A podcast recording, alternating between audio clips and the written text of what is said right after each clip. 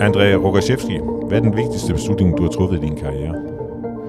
Hvis jeg skal vælge én beslutning, så er det jo vel nok den beslutning, der ledte til, at vi stiftede Netcompany øh, for, ja, det må være 21 år siden. Altså det at gå ud og være selvstændig, der er sin egen virksomhed, men det det nu indebar på det tidspunkt, har vel været den største enkelstående karrierebeslutning. Du lytter til Ledelse med Vilje, en podcast fra lederstof.dk, hvor du møder nogle af Danmarks mest inspirerende og mest markante ledere til en samtale om deres livs vigtigste beslutninger. Din vært på programmet er Anders Vass, chefredaktør på lederstof.dk. Dagens gæst er André Rogaszewski. Han er uddannet i datalogi og er medstifter og direktør for den succesrige IT-virksomhed Netcompany, der i dag har over 3.000 medarbejdere og blandt andet er kendt for at stå bag Sundhed.dk, Aula og Coronapasset. André Rogaszewski, du er administrerende direktør for øh, Netcompany, som du også var med til at stifte. Hvilken type leder er du? Hvilken type leder er man? Øh, man skal nok lige til at kigge på, hvad er det egentlig, man leder? Man leder jo mennesker. Jeg vil i hvert fald gerne ses som en empatisk, følelsesmæssig, men også stærk leder. Altså, jeg tror, det at kombinere øh, retning og vilje med empati og, og øh, indsigt i mennesker er det vigtigste i at lede. Du kan jo godt lede ved at, ved at vise retning og fortælle, hvad folk skal gøre, og så kan du måske endda oven i købet korrigere dem, men hvis ikke du har, hvis ikke de føler, at du vil dem det godt, og eller de ikke føler, at du lytter til dem, så er det jo bare en vejviser. Men hvordan finder du den balance mellem det empatiske og det også meget klare, hvor øh, du stiller nogle mål og er super ambitiøs? Jamen er det ikke, er det ikke noget, som... Altså, vi, vi bliver født, og så på et tidspunkt, så forsvinder vi også fra den her verden. Er det ikke et spørgsmål om, at man over tid jo rent faktisk bliver klogere på, hvad der motiverer mennesker, og hvordan man selv virker på, på mennesker som menneske? Altså, det tror jeg er utrolig vigtigt. Det er jo en fornøjelse for eksempel at, tage, øh, at have med unge mennesker at gøre, som man til en vis grad kan forme, men som man også har kæmpe ansvar for, og som jo på et tidspunkt jo, jo også øh, gør oprør mod en. Så det er jo, øh, vi, vi oplever det jo alle sammen som forældre, vi oplever det jo alle sammen som kollegaer, det er jo ikke, det er jo ikke noget, der er mig for ondt alene. Det er klart, at når man så får mange flere skulle lede, så dukker der jo nogle ting op, hvor man nogle gange kan komme, jeg kan selv komme i tvivl nogle gange og tænke, okay, altså, det her virkede på, på de her fem mennesker, eller ti mennesker, virker det også på tusind mennesker. Øh, men det er jo noget, der er kommet hen over tid, og så finder man jo ud af, at vi alle sammen brug for, for både øh, retning, men, men i den grad også brug for øh, nærhed i ledelse. Og det tror jeg, i øvrigt Danmark er bedre til, end øh, vi generelt er bedre til i Danmark, end man er for eksempel andre steder. Men du har jo 3.000 mand over dig, under dig, eller faktisk flere endnu. Så hvordan sørger du for øh, at, have, at kunne være nær i din ledelse? Øh, jeg bruger faktisk ret meget tid. Altså en hel del af min tid går jo rent faktisk med at gå ned hen til nogen og spørge, jamen, hvad er det egentlig, hvad foregår der her? Hvad er det, du sidder og laver? Og så kan jeg måske bruge en time eller to på at sætte mig ind i det, for at forstå, hvorfor gør vi det? Øh, hvordan, er vi, hvordan arbejder vi nu? Arbejder vi anderledes, end vi gjorde for et år siden? Hvordan tænker det her menneske? Men samtidig skal jeg også passe på, at det menneske ikke repræsenterer alle mennesker. Så, så på den måde har jeg jo den, det privilegium, at øh, jeg, jeg kan få lov til, og, og det gælder jo også vores kunder. Jeg kan jo komme rundt til rigtig mange kunder, og øh, tænke, hold da op, nå ja, det, det er sådan det her, de tænker her. Øh, så jeg får lov til i dag, i en alder af over 50, rent faktisk at snuse til det meste. Godt. Det her det er jo ledelse med vilje, så vi taler om de største beslutninger i øh, din karriere. Den allerførste, den er, den er meget tidlig. Øh, det er da, du øh, vælger retning, øh, studieretning øh, til at starte med i din karriere. Kan du fortælle om det? Jeg læste jo kun matematik, fordi jeg gerne ville læse datalogi. Og dengang kunne man ikke læse datalogi, hvis man ikke havde læst matematik. Faktisk var datalogien en specialisering i matematikken. Det var super nørdet jo, når jeg tænker tilbage. Øh, og det var jo... så det var, en, det var en personlig ledelsesbeslutning, det at læse matematik øh, bifag, som det hed dengang, et, et, et bachelor, det, det tager jo alligevel noget tid, og det, det er altså, øh, du skal altså, du skal stramme ballerne, og jeg kan tydeligt huske, at tænke, hvad, hvad, hvad har du egentlig gang i, André her? Altså, hvad, er det, hvad går det her ud på? Men når man først har startet på noget, så er man, så er man altså nødt til at gøre det færdigt. I må væk kun et par år, ikke? Så nu gør vi det. Jeg, det, var en, det var en... Øh, også senere hen, når jeg kigger tilbage, retroperspektiv, det ved man ikke på det tidspunkt, man tager beslutningen, beslutning, så har det jo også formet mig, at, at øh, man rent faktisk gør noget her, for at opnå nogle, noget viden og nogle færdigheder og noget kundskab, som du skal bruge til noget andet. Øh, og så ventede jeg mig oven i købet, det var sådan helt grotesk, fordi når jeg så var færdig med det her matematik, og det var gået godt, så skulle jeg vente yderligere på, at de startede den her datalogiuddannelse. Så jeg endte i London og læste mere matematik, altså statistik sammen med syv kinesere på, på Imperial College i London, og det var, det var godt nok også en oplevelse. Der kom man som ligesom sådan den her dansker, som troede, at man skulle opleve London også på andre måder end bare at læse matematik. Det var de her kinesere ikke helt enige i, de læste. Der oplevede jeg for alvor, at, øh, at der findes mange dygtige mennesker ude i verden, og der skal noget til for at være den bedste her. Ikke? Og der fandt jeg ud af, at jeg skal ikke nødvendigvis være den bedste, men jeg kan godt bruge det her til, at, til noget andet. Så det, jeg tror faktisk, det er rigtig, for mig personligt, øh, det var en ledelsesmæssig beslutning for mit liv. Altså her var der noget, jeg var nødt til at gøre. Både positivt, men også, jeg skal også udstå en vis værnepligt her i mit liv. Altså, nothing is for free. Øh, du, fint nok, du vil gerne læse datalogi, du vil gerne forstå, hvad det gik ud på. Det her, det er vejen til det. Den er jo gratis. Men du er nødt til at sætte dig sammen, og så sætte dig ind i det her også. Og sådan er det. Øh, og her er mulighederne. Tag dem. Men det kræver også, at du, øh, du ligesom helliger dig til det og bruger din energi og tid på det, og det kan ikke nytte noget, at, at du prøver at springe en genvej her, for det findes ikke. Altså, og det, det synes jeg faktisk var en utrolig... Det, det har formet mig som menneske også. Det, det, det, det synes jeg. Og, og det gjorde så også, at, at, øh, at astrologien blev jo noget nemmere. Altså den, den, det at sætte strøm til mange matematikkens tanker blev nemmere. Jeg nød jo det at have øh, fået en pensel og lært at male på. Og det er jo også det, jeg, jeg ser hos mange af de unge mennesker i dag, Altså, de, de ser virkelig teknologi og computer som, som måden at udtrykke og ændre verden på. Altså, det, det, det, det, er jo, det er jo faktisk redskaber. Og det er lidt svært øh, at, at bruge de redskaber, hvis man ikke har nogen færdigheder på dem. Så det, det, det, det tror jeg gælder inden for alle. Øh, og selvfølgelig var matematikken en, en hård, hård, hård, det var en hård ting for mig, men bagefter lærte jeg rent faktisk også. Jeg tror, det kunne have været sådan med, med alle mulige andre ting, jeg valgte at læse, men det her, det her tilfælde var det, var det en stor beslutning for mig, det var det. Øhm, det, var, det var det bestemt. Og det gjorde mig øh, mere determineret, og måske også lidt mere, altså der er ikke noget, du ikke kan, hvis du først sætter dig for det. Det opnår man, den, den tanke, øh, skal jo, det er jo ikke nok at have den bare i hovedet, du er også nødt til at have de sejre i livet, der gør, at du tænker, jamen jeg kan godt, hvis jeg vil. Det tror jeg, alle mennesker har brug for. På, på alle niveauer.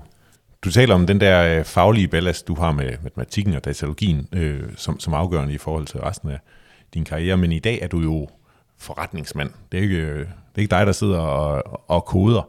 Øh, hvor vigtigt er det så stadigvæk for dig at have den faglighed, eller kunne du gå over og være direktør for et hvilket som helst andet type firma? Jeg, jeg vil have svært ved at forstå, at man kan lede noget, uden at forstå, hvad der foregår nede i det, man leder. Jeg, jeg, for mig betyder faglighed utrolig meget. Indhold i mennesker, det synes jeg ligegyldigt, hvad det er. Men, men øh, det må vi aldrig gå væk fra. Vi må aldrig blive sådan nogen, der skøjter hen over det. Øhm, komme fra håndværket, og så bygge oven på det, er utrolig vigtigt for mig. Og det gælder inden for alle discipliner. Betyder det så, at øh, fagligheden, den oprindelige faglighed, er vigtigere for dig end, kan man sige, ledelsesfagligheden? Jeg synes, det er en del af dannelsen. Det er en del af det at være et menneske. Og derfor så mener jeg faktisk, at det er min, det er min personlige overbevisning. Det er rigtig svært at lede noget, hvis man ikke ved, hvad det er, man leder. Så når du skal udpege en ny leder, går du så efter den, der bare er fagligt stygtigt, Eller hvad ser du på? Du skal have begge dele. Hvis du ikke har den faglighed der, så kan du ikke lede det. Altså, vi har jo et, et, et, et, et udtryk i Netcompany, vi kalder IT-folk, leder IT-folk, og det mener vi. Altså, jeg tror faktisk, vi er en af de få virksomheder inden for teknologi, som, hvis du kigger på vores ledelseslag, altså både mellemlederne og, og, og længere op i systemerne, hele vejen igennem, det er jo alle sammen folk, der har fingrene nede i, der står solidt plantet, og det er mennesker, som ved, de har selv bygget, de har selv været der, de har selv prøvet og, øh, og ved, hvad der skal til. Og det holder vi fast i. Det er, tror jeg, er, noget faktisk den vigtigste komponent i vores succes. Og det mener jeg inden for alle discipliner. Jeg, jeg bliver træt af mennesker, som... Altså det, der er meget varm luft. Hvor oplever du det hen? Nå, jamen det er jo, altså... Øh, øh, en ting, det er at kunne kommunikere. Jeg har aldrig forstået, hvorfor der har været sådan en eller anden form for... Øh, øh, division eller, eller separation imellem folk, der kan kommunikere, og folk, der kan forstå eller, eller har indsigt. For mig øh, er det ikke interessant at lytte til mennesker, der ikke har indsigt. Eller prøver at få indsigt, eller har gjort noget. Mennesker, som, som, som, som ikke har faglighed, jeg, jeg synes, det er mindre interessant, og, det, men det, og, og, og jeg bliver hurtigt træt af at lytte til det. Altså, man kan, jo ældre man bliver, jo hurtigt gennemskuer man det jo så også. Så jeg vil, hellere, jeg vil hellere være sammen med nogen, der siger mindre. Men når de så siger noget, så har de rent faktisk forstand på det, de taler om. Altså, det synes jeg er en, en nydelse i livet. Og så nå til det punkt, hvor man tænker, nå ja, men det er jo bare støj. Der er lidt mere støj her, end der, end der er indsigt. Så jeg nyder jo at være sammen med mennesker, som, som, som har indsigt. Hvor, hvor man kan man tænker, okay, her er faktisk noget, som, jeg ikke aner noget om, men vedkommende har, har dybere indsigt og har en holdning til det, og her kan vi måske lære noget. Det, det synes jeg er spændende her i også i livets, øh, kalde det tredje fase, eller hvad nu det er, ikke? Så når du sidder over for en, øh, en potentiel kunde, der i virkeligheden har et øh, 60 millionløb, og du tænker, ham der eller hende der forstår slet ikke, hvad det er, de skal, og hvad de vil, og sådan noget. Hvad, hvad gør det så ved dig? det sker faktisk ret sjældent, fordi når vi, når vi sidder med, øh, med kunderne, typisk så er kunderne jo også organiseret omkring øh, flere mennesker. Altså det er jo, øh, når man vil noget rent forretningsmæssigt, så bygger det som regel på en god indsigt. Altså uanset om du laver, om hvad du nu producerer, eller hvad du nu servicerer, så vil de fleste mennesker, du har med at gøre der, de vil have indsigt. Det kan godt være, at det ikke ligger i det, i det enkelte menneske, men så er der et team, der har den indsigt.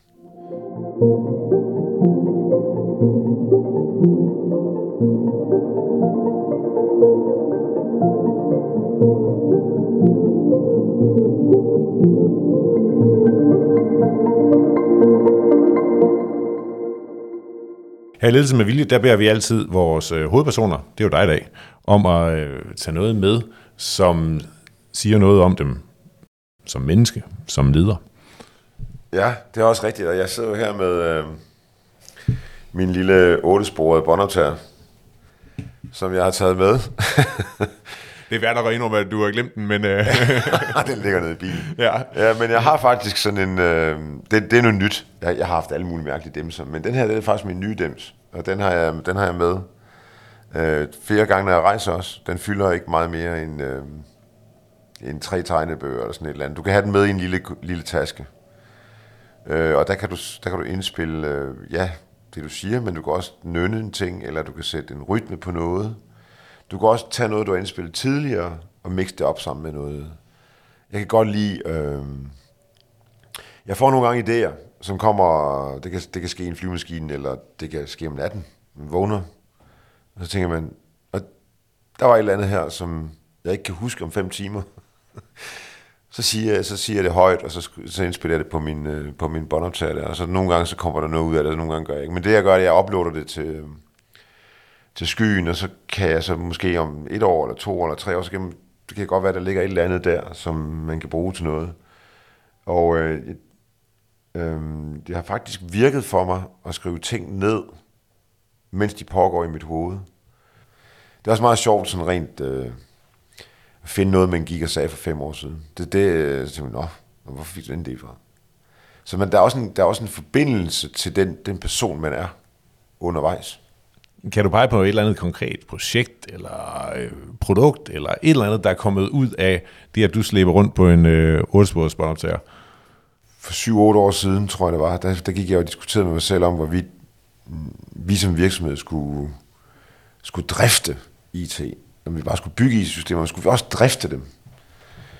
Øh, og der gik jeg og spekulerede på det, og der indspillede jeg faktisk en del sessioner, hvor jeg, hvor jeg sagde for imod, og hvor er udviklingen på vej hen. Og så nogle gange så sidder jeg og lytter til det igen, så det der argument, det holder ikke. Øh, det har jeg faktisk slået op. Eller jeg kan også godt finde på at sende et lydklip til en af mine medarbejdere. Og det endte jo så rent faktisk med, at vi gik ind i at lave øh, IT-drift, og det er i dag en fantastisk øh, spændende forretning. Men det var jo inden, der var noget, der hed cloud og øh, for alvor, ikke? Altså det var, så det er meget sjovt at sidde lige nu og for eksempel lytte til det og tænke, hold, nå ja, selvfølgelig tænkte, det, det var for og imod. Og, så man kan godt øve sig i at forklare sig selv og andre, hvorfor noget er vigtigt. Og det må ikke være mere kompliceret, end at alle kan forstå det på et eller andet niveau. Altså jeg har, jeg, de beslutninger, jeg har taget i mit liv som leder, hvor jeg ikke kunne forstå dem helt, de har faktisk ikke været gode. Alle de beslutninger, jeg har taget i mit liv, hvor jeg forstod, hvorfor, at jeg kunne forklare det på 30 sekunder, hvad det er, vi, hvorfor vi gør det her. De er god. Og Altså, så kan man altid, så sker der jo ting, der kan jo ske ting, hvor du ikke, du ikke kan forudse osv., men du kan stå inden for dem, så jeg tror, det handler rigtig meget om at kunne simplificere og forklare, hvorfor man gør det, man gør. Og der hjælper min otte sprog båndoptager mig. Lad os rulle lidt tilbage, øh, for øh, det er jo øh, de største beslutninger i din karriere, vi snakker om, og du fremhævede den selv til at starte med. Det er da du i 2000 beslutter dig for at starte Netcompany. Kan du fortælle om dine øh, overvejelser, den retning I satte, og hvad det kostede dig? Netcompany startede jo i virkeligheden også lidt i øh, som en reaktion, eller lidt i trods, om du vil. Vi startede, det var en reaktion på, øh, at ting gik for langsomt i, i det, vi, jeg beskæftigede mig med. Altså, jeg oplevede at sidde på mange større, spænd, meget spændende, vil jeg godt sige, øh, IT-projekter, hvor vi skulle bygge store, spændende ting. Men det var dybt frustrerende at være en del af et, et forholdsvis lille team, typisk øh, 10-15 mennesker, som vidste noget. Altså det nu kommer tilbage til det med fagligheden. Og så være omringet af mennesker, som ikke vidste ret meget om det, vi lavede, og så skulle vente og lytte til, hvorfor vi skulle gå den ene eller anden vej. Jeg tænkte, hvorfor, hvorfor kommer de ikke bare og spørge os, der ved noget om det? Så Netcompany var et forsøg på, allerede dengang, og var fra starten af, en idé om, at vi skulle tage dem, der vidste noget om teknologi, og jeg skal huske, det er en anden tidsalder det her, det er 21 år siden, og sætte dem i spidsen for at lave teknologi. Altså lidt ligesom når man laver en storebæltsbro, jamen fint nok, der skal jo selvfølgelig være en snak om, hvorfor vi skal have en bro, men på et eller andet tidspunkt, så skal den jo bygges. Og så er det altså ingeniøren, der bygger den. Okay, og det, det, der, der er jo nogen, der skal spørge om, hvordan det går med det der projekt, og det er altså ingeniøren. Det er ikke alle mulige andre. Så hvorfor går vi ikke ned og snakker med dem, så de kan forklare os, hvorfor. Og, så vi to ligesom, også måske lidt at gøre med det, vi talte om tidligere. Jeg har altid været sammen med øh, de her fagligt dygtige mennesker. Jeg synes ikke, de fik en stemme. Jeg synes, de blev skjult og gemt væk. Så Netcompany på mange måder er jo sådan et forsøg på at tage nørden, om du vil, eller den person, der ved noget om noget, og bringe vedkommende frem. Og hvis du ser på for eksempel Netcompanies ledelsesgruppe i dag, som jeg som stadigvæk er nogle af mine allerbedste både, både kollegaer og venner, de har jo alle sammen siddet og kodet et eller andet, eller rodet med et eller andet. Og det, det er jeg faktisk stolt af. Altså, det synes jeg er dejligt at være sammen med mennesker, som den dag i dag, jeg synes, det er fantastisk at gå ned og, og kigge på, hvad det er, det egentlig, vi laver. Altså, hvad, hvad pokker er det, der rører sig? Og det synes jeg er fantastisk. Men det var en stor beslutning. På det tidspunkt også min kone var gravid. Øh, øh, vi flyttede i mindre hus Altså, jeg tror faktisk en af de få mennesker, der solgte vores øh, lejlighed, og så flyttede vi noget mindre, fordi der skulle være penge til, til firmaet, ikke? og vi havde også, der var også en tidspunkt i Netcompany's historie, hvor ja, vi tabte jo penge hver dag, vi gik på arbejde, for vi kom jo til at ansætte en masse mennesker, som vi ikke nødvendigvis havde arbejdet til. Øhm, det viste sig at være en rigtig beslutning, men, men øh, der, var, der, var, altså, der, var, der var et tidspunkt der, min kone var gravid, vi fik vores første barn, øh, vi flyttede ud i et lille bitte, bitte, bitte hus, øh, Øh, men jeg, jeg, jeg, jeg, vi var meget lykkelige. og det var en god tid. Altså, Hvor meget arbejder du generelt? jeg arbejder mindre nu. Øh, de sidste øh, fem år arbejder jeg nok noget mindre, end jeg gjorde tidligere. Men jeg har altid arbejdet meget. Altså, øh, siden jeg var... Da, da jeg læste matematik for eksempel, eller jeg har altid arbejdet meget. Jeg har altid øh, brugt tid. Altså, jeg elsker det, jeg gør. Hvis ikke jeg elsker det, jeg gør, så, så, så bliver det svært. Altså, men når man elsker det, man gør, så, så, så, så, så tænker jeg ikke lige så meget på, hvor meget tid jeg bruger på det. I dag, øh, sådan set i bagspejlet, så, så øh, fortryder jeg ikke, at jeg har arbejdet meget. Jeg tror, jeg har arbejdet aldrig under 10 timer øh, som ung. Som regel 10-12 timer hver dag. Men for mig var det øh, mit liv. Altså, jeg, jeg, jeg arbejder med mennesker. Jeg er sammen med mennesker. Det, for mig har det flettet sammen. Det har været naturligt. Jeg har kæmpet for noget. Altid i mit liv. I dag øh, har jeg også den, øh, det tror jeg også kommer lidt med alderen, altså jeg kan også godt finde på at tage min båd til ud og fiske øh, to timer øh, i løbet af en eftermiddag, hvis vejret er godt, fordi så gør jeg det. Men mens jeg sidder på båden og fisker, kan jeg faktisk godt stadigvæk sidde og tænke, goddammit, hvorfor gjorde vi ikke det der? Altså nu tror jeg, jeg tror, vi skal lige rundt om den der. Så jeg holder jo aldrig op. Og det, og det, det tror jeg bare, så, sådan er jeg. Øh, og det, det gør mig til, det, altså jeg tror, som øh, min, ja, mine, mine venner og min kone også, ligesom, altså den dag du står, André, med at, med, at- med at være sådan der, så, altså, så går det hurtigt den anden vej. Altså, jeg tror, det er vigtigt, at man har noget, man går op i, det er sådan set ligegyldigt, hvad det er. Øh, så for mig har det aldrig været sådan, du ved, nu går vi på arbejde, og nu er vi ikke på arbejde, og det har været en passion at gøre ting i mit liv. Ja, der har været meget heldig. Jeg har været meget heldig der. Hvordan matcher det med alle de unge mennesker, der kommer med ind i jeres, øh, jeres virksomhed, hvoraf nogen sikkert drømmer om 37 gode timer, hvor man arbejder hårdt, og så i øvrigt en, øh, en fritid derudover? Først og fremmest, vi går ikke efter, at folk skal overarbejde. Eller, vi har ikke mere overarbejde, som mange andre virksomheder har. Vi har, vi har, som du siger, en 37 timers arbejdsuge, og folk går på arbejde, og de har et liv siden af, og, og det er godt. Men vi vil gerne have passionerede mennesker. Vi vil gerne have mennesker, som vil noget med deres liv, og som er ambitiøse. Det er ikke nok at have faglighed. Du skal have ambitioner. Jeg vil faktisk sige det, jeg vil endda sige det, jeg vil endda gå så langt at sige, jeg vil hellere have 5-10% mindre faglighed, og så 5-10% mere ambition og passion. Fordi i sidste ende er det simpelthen en utrolig vigtig komponent. Og dermed ikke sagt, at, at du skal arbejde hele tiden, men du skal ville noget med det, du gør. Og, og det kan sagtens betyde, at du, øh, du er du er meget fokuseret og, og gør det fantastisk, mens du er på arbejde. Og når du ikke er på arbejde, så, så er du stolt af det, du gør, når du er på arbejde. Altså, vi er, jo, vi, vi er jo kun mennesker, og i sidste ende, så handler det jo om, at vi trives med det, vi gør. Og der tror jeg, det er vigtigt at være stolt over det, man bidrager med, og det, man kan. Og det, den komponent, altså, man skal jo glæde sig til. Altså, jeg har da også været der mandag morgen nogle gange, og tænker, det regner. Der er møde kl. 8. Hvem fanden har lagt det møde kl. 8? Øh, altså, Jesus Christ, kan de ikke have lagt det kl. 9? Altså, jeg er jo et, et kæmpe B-menneske, så jeg har altid kæmpet med det, ikke? Men, men, øh, men det skal også være sådan, at grundlæggende, når du sidder der søndag, forlænger din weekend med en time mere, og tænker, okay, jeg skulle egentlig gå i seng, men jeg tager lige en time mere. Så skal du grundlæggende, så skal du grundlæggende tænke, det bliver også en god uge. Altså det, det er spændende, det vi skal i morgen, eller det vi skal på onsdag, det glæder jeg mig faktisk til. Jeg skal lige høre, hvad vedkommende her synes om det, før vi går ind i det møde. Du skal, du skal jo kunne finde den der glæde. Det er jo ikke, du må ikke kun se frem til fredag, vel? Eller kun se frem til, at nu skal vi et eller andet. Det, du må gerne glæde dig til alle de her ting, fordi livet består af mange facetter. Men grundlæggende skal det jo være, så skal du være glad for det, du beskæftiger dig med, og synes, at du gør en forskel den korte tid, du er her. Og hvordan takler I så, når det er sådan, at der er en medarbejder, der ikke kun har fornemmelsen mandag morgen om, at åh, jeg overgår det simpelthen ikke mere, og lige nu gider jeg altså ikke at lige lægge en ekstra time? Altså det der er kunsten, ikke? Altså, og det, det er jo det, vi har altså, i meget i system i Netcompany. Vi er jo ikke perfekte, ingen er. Men det der er kunsten, det er jo, at men på en arbejdsplads omgivet af mennesker, der så lytter til de signaler. Og fanger dem, inden at det bliver så gralt, at du ikke kan se dig selv i det. Altså jeg, vi har jo alle sammen i vores liv, både som ledere og som medarbejdere, oplevet, men motivationen måske forsvinder. Det, har, det sker jo.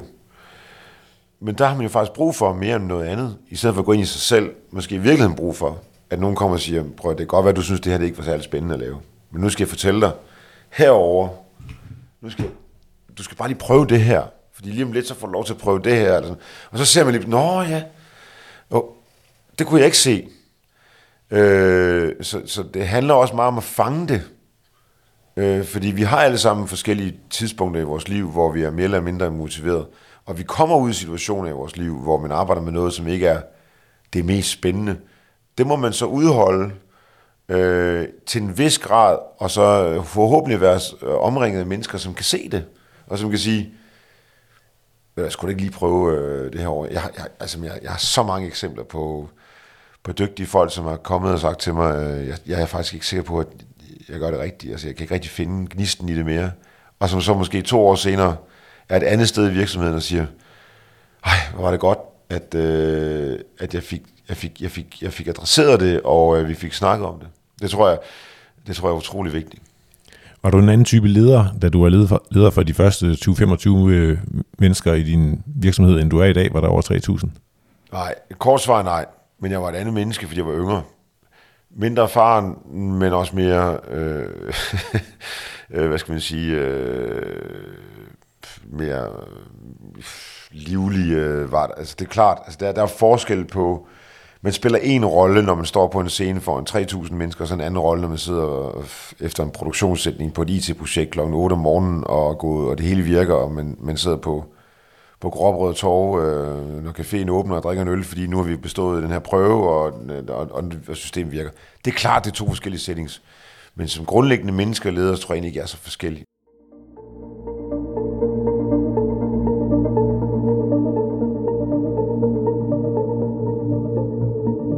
Tilbage til de store beslutninger. Øh, den sidste, du har valgt, det er i øh, 2018. Det er en forretningsbeslutning i øh, børsnoteret Netcompany. Hvad ligger til grund for det? Jeg elsker Danmark, men jeg elsker også Danmark i en verden, som, som, hvor Danmark og verden samspiller, og hvor vi kan præge. Og jeg har altid ønsket, det var min største drøm i virkeligheden, det er at tage succesen og på en eller anden måde eksportere den. Det har været svært. Øh, hvornår er man stærk nok? Stor nok til, at man havde noget, som kunne skalere i udlandet. I, da vi besluttede at børsnotere og gå til ud, og, altså i sammenhæng med det, besluttede vi også at gøre det til en, en international virksomhed. Det var egentlig i virkeligheden en af de bedste beslutninger, øh, taget på et tidspunkt, hvor, hvor jeg også kunne fornemme og føle, at det kunne lade sig gøre. Og sådan har jeg det med, med, øh, med ting. Altså, du, du ved, nu kan det lade sig gøre. Det kommer til at kræve noget, men det kan lade sig gøre. Og øh, den periode, vi har haft de sidste øh, fem år, hvor vi jo både har åbnet i Norge og i England og kontor i Holland, ikke? og vi har kontor i Polen og, og i Vietnam, og vi har kontor i, øh, i, i, i hele Danmark. Jeg synes på en eller anden måde, at øh, det kommer de fortjener. Altså jeg vil gerne ud og vise, og det tænder mig faktisk utrolig meget, øh, at den måde, vi øh, ser verden på, det, de systemer, de løsninger, vi laver, de mennesker, vi former, det kan godt gøres andre steder end bare i Danmark. Og det kan eksporteres. Og, og øh, det synes jeg faktisk er en utrolig stor glæde. Øh, det, det kæmper vi for hver dag. Det synes jeg, det var en stor beslutning. For man kunne jo godt, altså der er mange perioder i ens, øh, når man gør et eller andet, man skal jo sætte en sløjf på ting nogle gange. Fordi du skal fejre ting. Du skal huske at fejre ting og sætte en sløjf på ting. Øh, ambitiøse mennesker glemmer det nogle gange. Det, det må man ikke glemme. Det skal man, man skal huske at trække vejret og fejre ting. Men når man så har gjort det, så skal man, så skal man også ligesom sætte sig nye mål. Og jeg har drømt om, at det skulle blive en øh, eksportsucces. Ja, faktisk nærmest siden vi startede. Det har altid lagt mig på sinde. Så derfor var det, var det en, øh, en, en stor beslutning for os, både at børsnotere, at bruge det som også et værktøj til for alvor at komme ud i andre markeder. Det har været en stor beslutning, og en, og en rigtig beslutning med det. Ja, for du kunne jo også have brugt de penge, der kom fra børsnoteringen øh, til at øh, sige, nu har jeg da nok. Så det der med mine ambitioner om at også komme rundt til Polen, Vietnam, England og Holland, det kan jeg jo egentlig bare gøre på min eget privatfly. for mig personligt, er det, og det ved jeg også, at for rigtig mange af vores, øh, for, for, min, for rigtig mange af mine kollegaer, der der er det der, det, der driver os jo, det er rent faktisk at kunne bygge en virksomhed. Hvorfor skulle Danmark ikke kunne producere, skabe en virksomhed, som bliver verdensomspændende? Det har vi jo gjort før.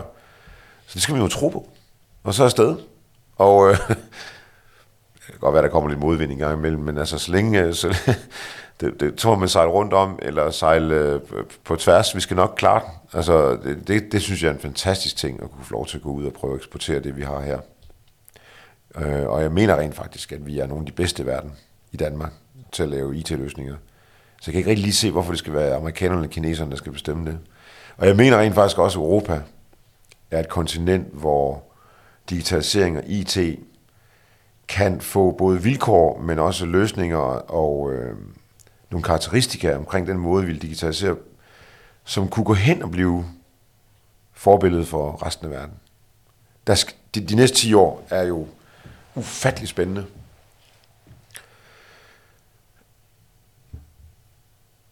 Altså, på at tænke på, hvad der skete de sidste 20 år. De næste 10 år kommer der til at ske mere. Øh, og der taler jeg altså både om klima, jeg taler om, om øh, lighed, jeg taler om demokrati, jeg taler om velstand og velfærd. Alt det hænger på, hvordan vi udnytter teknologien.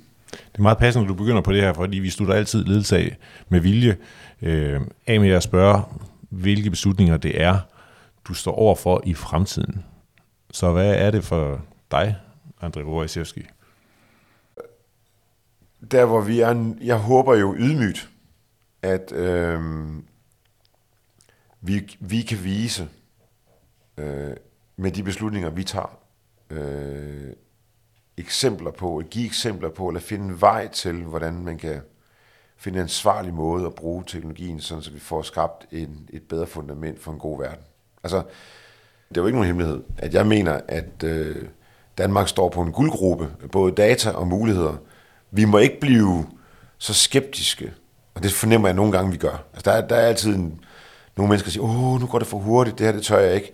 Og omvendt så er der nogle mennesker, der kaster sig for meget ud i ting, som, som ikke giver mening menneskeligt.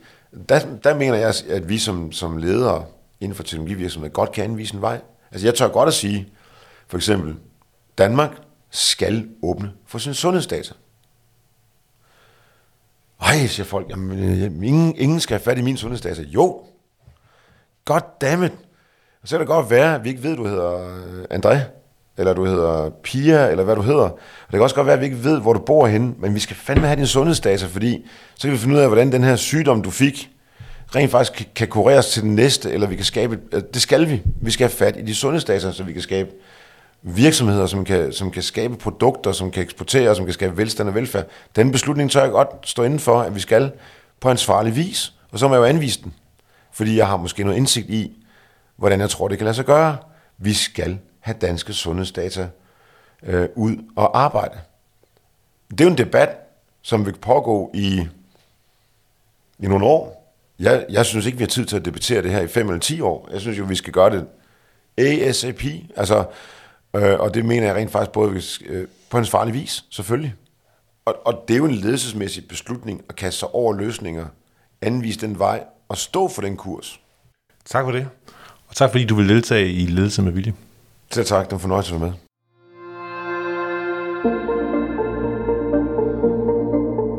Du har lyttet til Ledelse med Vilje, en podcast fra lederstof.dk. Du kan abonnere på podcasten i din foretrukne podcast-app, og vi bliver glade, hvis du også giver os en anmeldelse og nogle stjerner med på vejen.